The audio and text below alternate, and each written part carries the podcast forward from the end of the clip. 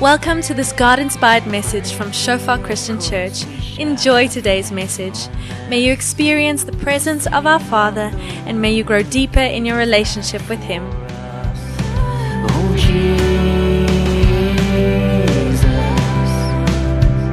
your love over Ja, Here, dankie vir u goedheid, Vader. Dankie vir u woord, Here. Dankie vir familie, Here. Die familie, Vader, wat ons het, Here, hier op aarde, Here, ons vleeslike broers en susters, Vader, maar dankie ook vir geestelike familie.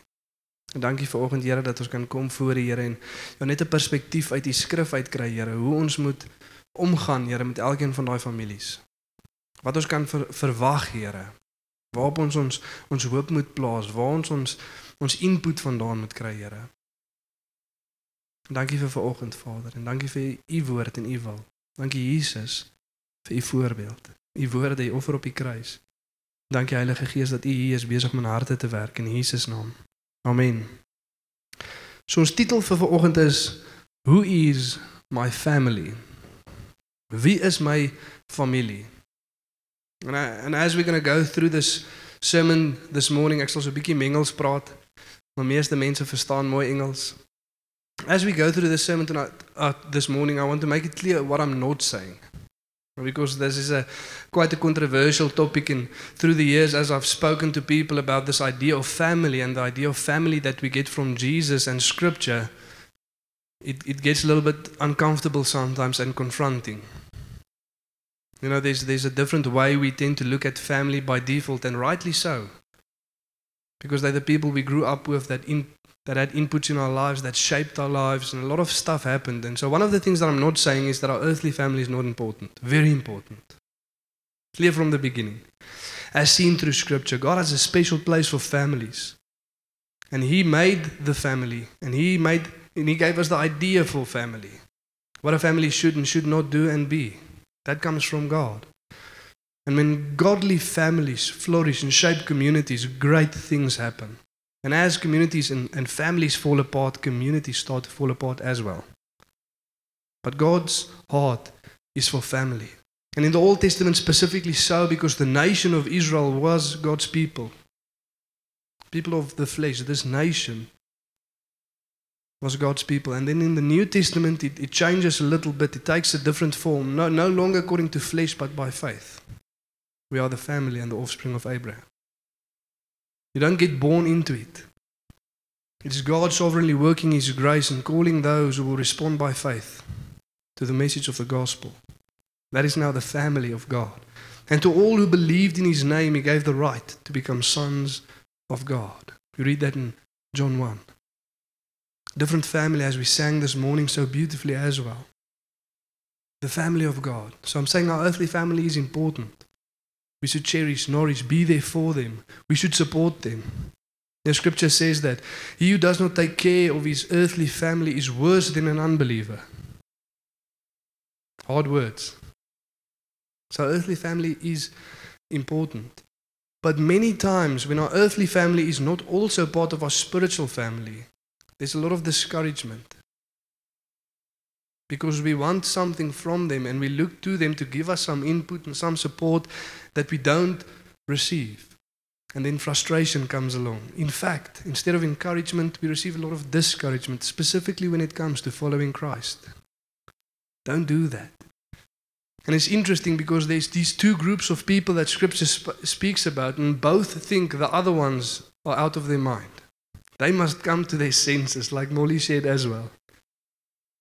The believer looks at the world around him and thinks, please come to your senses. The world looks at the believer and says, please come to your senses. But both feel the same.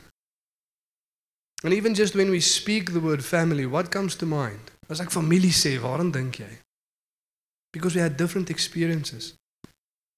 And for those of us that hear the word family and nothing comes up, don't worry, we're here for you. That's the great thing about being a Christian. All around the world, family. Family. Knit together by Christ and His Spirit. Beautiful thing. No matter where you go, there you will have family. But what comes to mind when you hear the word family? For some of us, loving memories, things we cherish, we can't wait, we want to be together. safe space, place of encouragement, place of protection, place of provision. But for some of us, that are not the words that we associate with family. Brokenness, discouragement, unsafe, want to get away. And the same so is true for the church. So interesting. Well, hopefully for us, if we hear the word church, we all feel the same way. Family, safe space, people that encourage, that stir faith, that's there to support. They are here for me. But again, when we ask the community around us, what do you think, what do you feel when you hear the words church, Christian, Christianity? The feelings also differ greatly. Some think hypocrite. Other people think these are the most real people on earth. Isn't it strange how these thoughts differ when we think about these concepts? But for us, if we are the church that is the biblical church that God expects of us, not every institution that bears the name church is part of the kingdom of God because we have to align with the teachings of God. We have to build His kingdom. He should be king, and He dictates what we do and don't do, and how we act and don't act. But we should feel more or less the same way. And again, now to ask us the question when it comes to these two places our church, spiritual family, our eternal family, and our earthly family where do you receive the most input from? And for, for those of us that are lucky, those two are the same. For those of us that are lucky, those two are the same. My earthly family is also part of my spiritual family. And again, it's sometimes a little bit difficult in the culture that we live in because we live in a cultural Christianity. We live in South Africa that is supposed to be a Christian nation. So a lot of people claim to be Christians or hold to Christian values, but very loosely. It's not what Scripture expects of us, but that's the way we were raised. So it's difficult sometimes to make that transition. Where are we now really? But where do you receive your most input from? And when you think to about your earthly family, how do you relate to them? Because something I hope that can shift in this passage tonight is just to be intentional in the way we think about these two groups of people and how we should relate to them. What we should expect, what we shouldn't expect. What we can receive then, what we can't. And luckily, in the life of Jesus, as his disciples began to follow me, this was a lesson that he could talk, uh, teach them quite early in life. And we read the following it's early in Jesus' ministry, as he calls the disciples, as crowds start to follow Jesus, and people are a bit divided. Party sê hy het 'n demoon en hy's mal. Praat van Jesus. Ander volg hom want hier is die Messias wat gekom het. And in light of this Jesus family hears about this and the following scene plays off. We read in Mark 3 verse 31 to 35 and it says the following and his mothers and his brothers came, and standing outside, they sent to him and called him. And a crowd was sitting around him. And they said to him, Your mother and your brothers are outside seeking you. And he answered them, Who are my mother and my brothers? And looking about at those who sat around him, he said, Here are my mother and my brothers. For whoever does the will of God, he is my brother and sister and mother. Like Jesus also says in Matthew 7 Not everyone who says to me, Lord, Lord, will enter into the kingdom of heaven, but those who do the will of my Father. And Jesus is not saying that because we do a lot of great things, we inherit salvation. He says, No, those who are saved, those who are born again, those who are children of God, they will do the works of God. They will live out the will of God. It is a fruit of salvation, it is the inevitable outflow of understanding who Jesus is. If we understand who He is and that He's King, the will of God starts to flow from our lives. Imperfectly, yes. We will make mistakes. And we will repent of those mistakes and we will carry on. Because uh, the grace of God is sufficient for us. But nonetheless, those who do the will of God. And at first, you know, as we read through this passage, it might seem a little bit rude. If we don't understand the context. We just pick up the story Jesus, mother and brother came and they want to speak to him, and he says, No, I'm not going outside now. I'm not going to meet them right now. That's going to be a bit of a distraction right now. In fact, I tell you, here sits my family. And it sounds a little bit rude if you don't understand the context. Of what Jesus is busy saying and why his family came. You see, in this chapter of Mark, there's a distinction made between two groups of people. The one group of people is constantly on the outside, and the other is on the inside. You see, Mark is actually asking the question, you know, why isn't Jesus' family already sitting around him and following him? Why do they need to come from afar to speak with him? Shouldn't they be busy following? Shouldn't they be busy listening, hearing, encouraging him to do the work that he was called to do? And there's two group, groups of people in this passage on the outside. And the one is family, his physical earthly family. And the second is religious leaders, traditional Christianity, people who follow God based upon tradition, but there's no true fruit. It's not really Father. And both these two groups think the same. And for us sitting here in South Africa with cultural Christianity, that those two groups might be one. Our family might be part of the cultural Christianity that never truly follows God, that never truly steps out in faith. And both these group of people, they need to come from the outside to where Jesus is to speak a certain message. And the rest of them sitting around Jesus, the disciples, those who follow, those who do the will of God, the spiritual family of Christ. You see there in verse 34, he says, And looking about at those who sat around him, he said, Here are my mother and my brothers. For whoever does the will of God, he is my brother and sister and mother. And look how the other group is described. Here in Mark chapter 3, the first couple of verses we read, And his mother and his brother came, and standing outside, they sent to him and called him. Not those around him, those who are on the outside. And a crowd was sitting around him, and they said to him, Your mother and your brothers are outside seeking you. They're outside. They want you to leave what you're busy with now and the ministry that you're busy with now and the people that you're encouraging now.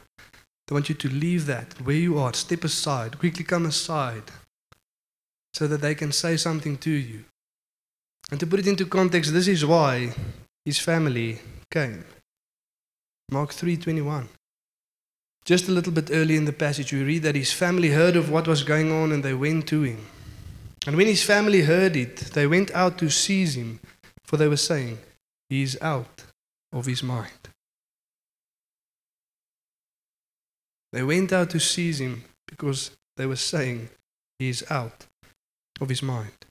The Pharisees said this. Some of the people said this about Jesus. A, he has a demon and he's out of his mind.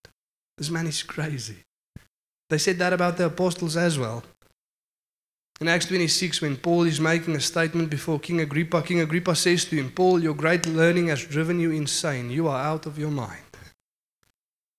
And then Paul, knowing that, writes to the Corinthian church in 2 Corinthians 5.13, and he says, if we are beside ourselves, if we are out of our mind, we are so for God. It might seem to you that we're a little bit crazy in this pursuit of following God because it's an upside down kingdom. It is contrary to the things of this world. It doesn't fit into society. It looks a little bit different. We're going to look out of our minds, yes. But it is for God's sake. And when we are in our right mind, it is for you. That is the way we relate to you. You see, and firstly, before we look at the people around us, we have to look at ourselves.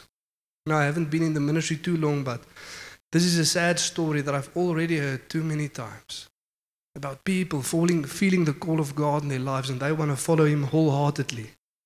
And the first people they speak to is family and they say, Are you out of your mind? Heartbreaking. When people want to follow Jesus with everything in them and the people around them's response is, Are you out of your mind? And this morning, we first have to allow this passage to do a work in us and to ask us, okay, but where are we? Whose family are we? Are we the earthly family or are we the spiritual family? When people come to us, what do we say? What do we do? Because you can imagine Jesus teaching this to the disciples early in their discipleship journey about following Him. And The Chosen, you know, it, it plays off a little bit differently for those of you who've watched The Chosen. And everybody's just encouraged to see them go. But in light of this passage, it doesn't seem that it was always that way. And you can imagine as a parent sitting here and your, your child coming to you and saying, Hey, he's going to follow this Jesus guy who came along. And you're worrying because some of the people said, you know, he's a glutton, he's a drunkard, he has a demon. That is quite hard statements that people are saying about this man that your child wants to follow now. And I can imagine there was a bit of division. Don't do that. Are you out of your mind? Don't follow. And we sit here and we think, no, we would have encouraged our children because we knew, we know now who Jesus is. We're looking from 2,000 years this side of the picture. That we would have encouraged. The question again arises okay, but what are you doing now? Because that will give you a great indication of what you would have done then. If people come to you with the desire to follow Christ, for us a little bit easier. If we come and people say, hey, I want to be baptized, it's a, quite a cultural thing, you know, that's happening. And we say, yes, but how did your family react when you went and told them that you want to be baptized? Are you out of your mind? Jy was mos al gedoop. Wil jy nou 'n wederdoper word? This is what scripture expects of us. When people say, "Hey, I want to go on missions. I want to become a missionary." What is your response to the people around you when you hear words like that? I want to foster, I want to adopt. I want to give away some of my possessions. I felt God laying this on my heart. What is your response? No, don't do that. Dit doen nie. Where are we? When it comes to this, are we on the inside or are we on the outside? Are we those who say, No, are you out of your mind? Or are we those who say, Yes, go. We're praying for you. We're backing you with everything in us. But go and do what God has called you to do. Because that is who we are supposed to be. You see, the question that we need to ask ourselves is what is the will of God? If Jesus is saying that the spiritual family, they are those who does the will of God, what is the will of God? And I like how Hebrews 10 puts it together. Three things in light of what Jesus has done, our high priest and the sacrifice that he has made. The writer of Hebrews us, gives us three statements, three let us statements. In light of what Christ has done, let us. And the first is draw near with the true heart and full assurance of faith. Considering the work of Christ, let us then draw near to God if He has made a way. Let's not just look at the way, but let's approach God with a true heart and full assurance of faith. Let's draw near to God. And the second is let us hold fast to the confession of our faith without wavering, because He who promised is faithful. Let us hold fast to the confession of our faith. And the first two is how we relate to God, but then the third one is how we relate to those around us. What is the let us message that the writer of Hebrews gives us in light of the work of Jesus? And considering those around us, it says the following Hebrews 10, verse 24 and 25. And let us consider how to stir up one another to love and good works not neglecting to meet together as is the habit of some, but encouraging one another, and all the more as you see the day drawing near.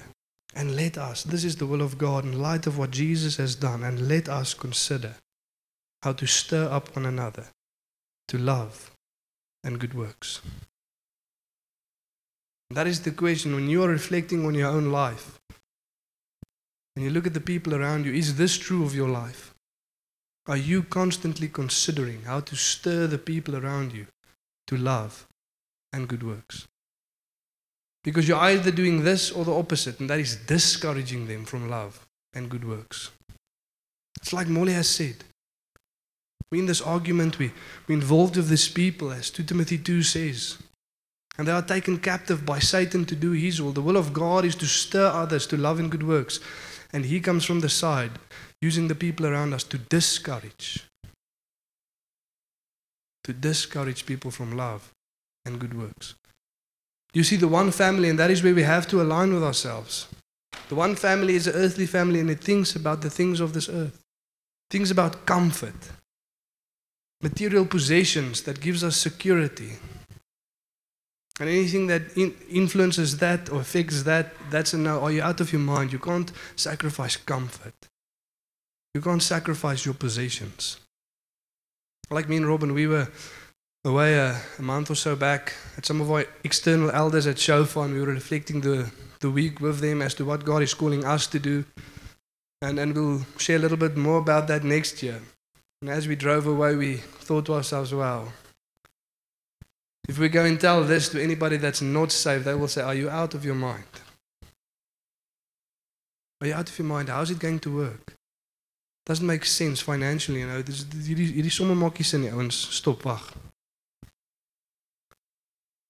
But this is stirring to love and good works. This is what God is calling us to do. En yes, dit might look moenie worry ons gaan nêrens heen nie, as jy wonder. Ons bly hierso. But that is what God is calling us to do. What is it true of your life? How do you respond when people tell you news? And me and Robin, uh, when it comes to fostering and adopting, and telling people this is what we're going to do, people say, no, don't do that. Get one of your own. Don't say that to people. You are discouraging people to love and good works. Don't say that. Say, yes, we back you with everything in us. Do what God has called you to do. We're gonna, we want to go on missions. We want to give this away. We want to bless those people. Whatever the case might be, encourage the people around you to love and good works. And if you are sitting here this morning and you realize that you might be on the outside, you are like the Pharisees and the earthly family that comes from afar to say, hey, nah, come with us. We want to seize you. You are out of your mind. If you realize that is you this morning, repent and move inside. Come inside. It's as simple as that. Repent and come inside. And if you reflect on your life this morning and you realize that there might have been people that you have discouraged to love and good works, that when they came and say what God has told them to do, you said, No, don't do that. If you realize that this morning, go to those people. Ask them for forgiveness and say, We are with you. But we back you. You go. You follow God wherever He leads you. And we will back you from this side. And in light of this, now we also now we can reflect.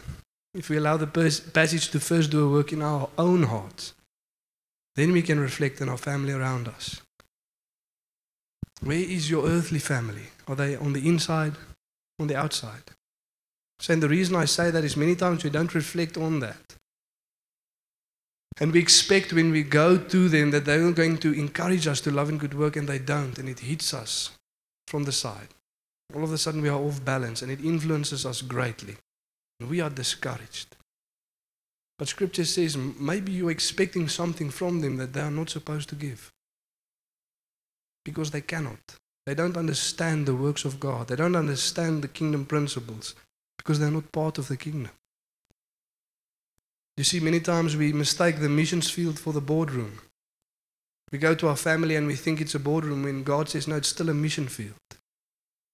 This is not the place to sit and discuss, get counsel and vision from. This is the place to can preach the message of the gospel, but do it in gentleness, like Molly said, so that God can grant them to come to repentance, so that they can be part of the kingdom of God. You see, for those who are going away over the holidays, going to visit family, maybe family is coming here. You need to reflect today and ask yourself the question is it going to be a missions field or a boardroom? What should I expect? How should I relate to my earthly family? Because if they are not part of my spiritual family, then my main focus should be preaching the message of the gospel and doing so in gentleness and grace. That God can allow repentance so that people can come in, so that that can happen. But many times we don't. When we go on vacation, we spend time with family, and we come back and we have a vision for the new year, and it's bigger house, better car. And God is like, no, no, no, you've mistaken the missions field for the boardroom again. Go back. You received vision and input where you weren't meant to get it. The vision of God is not bigger house, bigger car. Except if you get more kids, then a bigger car obviously makes sense. According to law, they cannot sit in the trailer. It is unsafe. So that makes sense, but where are you? Encouraging to love and good works. And again, for us to reflect on our own lives and the calling which God has given us. If there's not certain things where the people around us every now and again says, Hey, I think you're crazy. then we might be doing it a bit wrong. But as we pursue God earnestly and with everything in us, there's a great chance that the people around us might say every now and again, You are out of your mind. You need to come to your senses. And then we say, We feel the same. You should too. Amen. And as we spend time together now in fellowship afterwards as well, and before we drive, or before you go to family, or before they come to you, consider this. Where are you and where are they? So that we don't get confused about the way we should relate to the people around him, what we should expect, and why we go. And for some of us, you might be thinking now, sure, if I do it that way, it's going to be an uncomfortable vacation. And to that I say, it's not a vacation, it's a mission trip. Prepare yourself. And yes, it might be a little bit uncomfortable. But God will give rest, God will give vision. If we yoke with Jesus, He gives rest. But be prepared and align yourself through the lens of Scripture about how we should relate to the people around you. And allow God to come and do a work. Where should I receive and where should I give? Let's stand up and pray together this morning.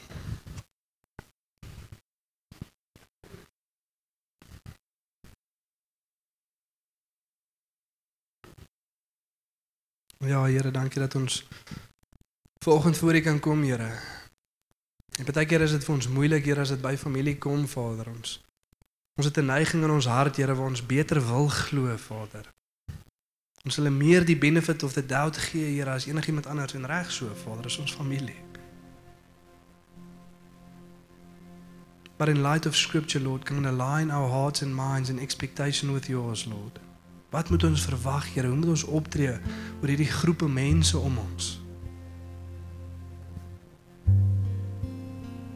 En baie keer wil ons so hard glo, Here, dat ja, my my familie is gered. Ja, hulle ken God. Ja, hulle sê hulle is. But if the fruit of salvation is not there, if the will of God isn't being lived out, if there's no pursuit of Christ, then we preach the gospel, Lord. And we trust in you that you will grant repentance. En soos wat ons uitgaan, Here, mag ons dit verstaan dat ons is nie die wat lewens verander nie. Ons gaan ook nie om behavior modification te doen nie. We're not going to preach a message of stop doing this and start doing that. What we say is res- res- give over to Jesus Christ with everything in you. Surrender. And allow the grace of God to shape your heart and life. Not be better or do better or do more. No, come to Christ. Surrender to Him. Allow Him to save and sanctify. Ja, Here, dankie Vader dat U harte kom skuif, Here. En dat ons kan weet, Vader, waar ons ons input vandaan moet kry, Here. These people around us, Father, that call upon the name of God and follow Him wholeheartedly. And thank you, Father, regardless, Father, of what our earthly families believe and do, whether they are lost or saved. Even if they're different religion, you still call us, Lord, to care for them greatly, to love them greatly, to support them greatly, and to always be there for them. But may we labor, Father, so that they can shift to become eternal family that will always be with us. And thank you, Lord, for eternal family. Thank you for those, Lord, who encourage to love and good works. Thank you for those who support, Lord. Thank you, Father, for the knowledge that we know that anything that you call us to do, you will be there for us, but also the people around us. How, how, how we can do, Father, great and unthinkable things because you are for us and we are surrounded by a godly community that will always back us. And they are not primarily concerned with comfort here and now. Oh, but we are obsessed, Lord, with the King and His kingdom. Eyes firmly fixed, Lord, minds fully fixed on the King and His kingdom.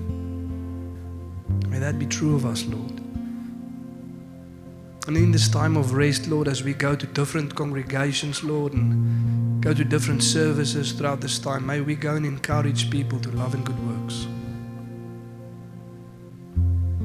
And as we come back next year, Lord, May we be a people, Father, more fully fixed, with a greater consideration to encourage others to love and good works.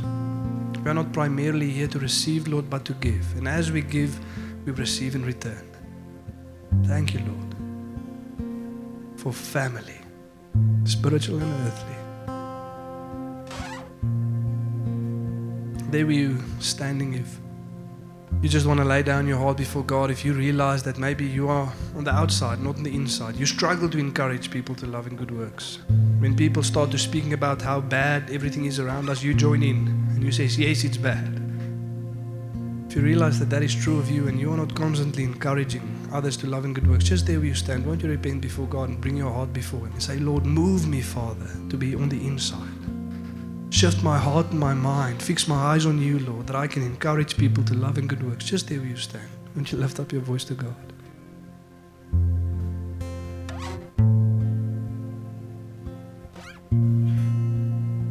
If you are here this morning and you realize that your vacation might be a mission trip, also just there where you stand, lay your heart before God and ask Him to give you boldness. Ask Him to give you grace to lead you, to put the words in your mouth as you go and speak to who you need to speak, but also ask Him that you might do it gently and not quarrelsome. Just stay where you stand, won't you lift your voice to God?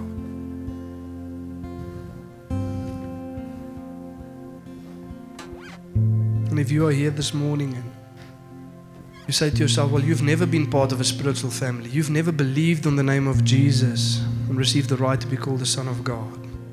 If you want to follow Christ wholeheartedly, the way you do that is by denying yourself, taking up your cross and following Christ, repenting of your sin, being baptized, slotting into a community and following Him. So if that is you this morning, lift up your voice to God and say, Here I am, Lord. I repent of my sin.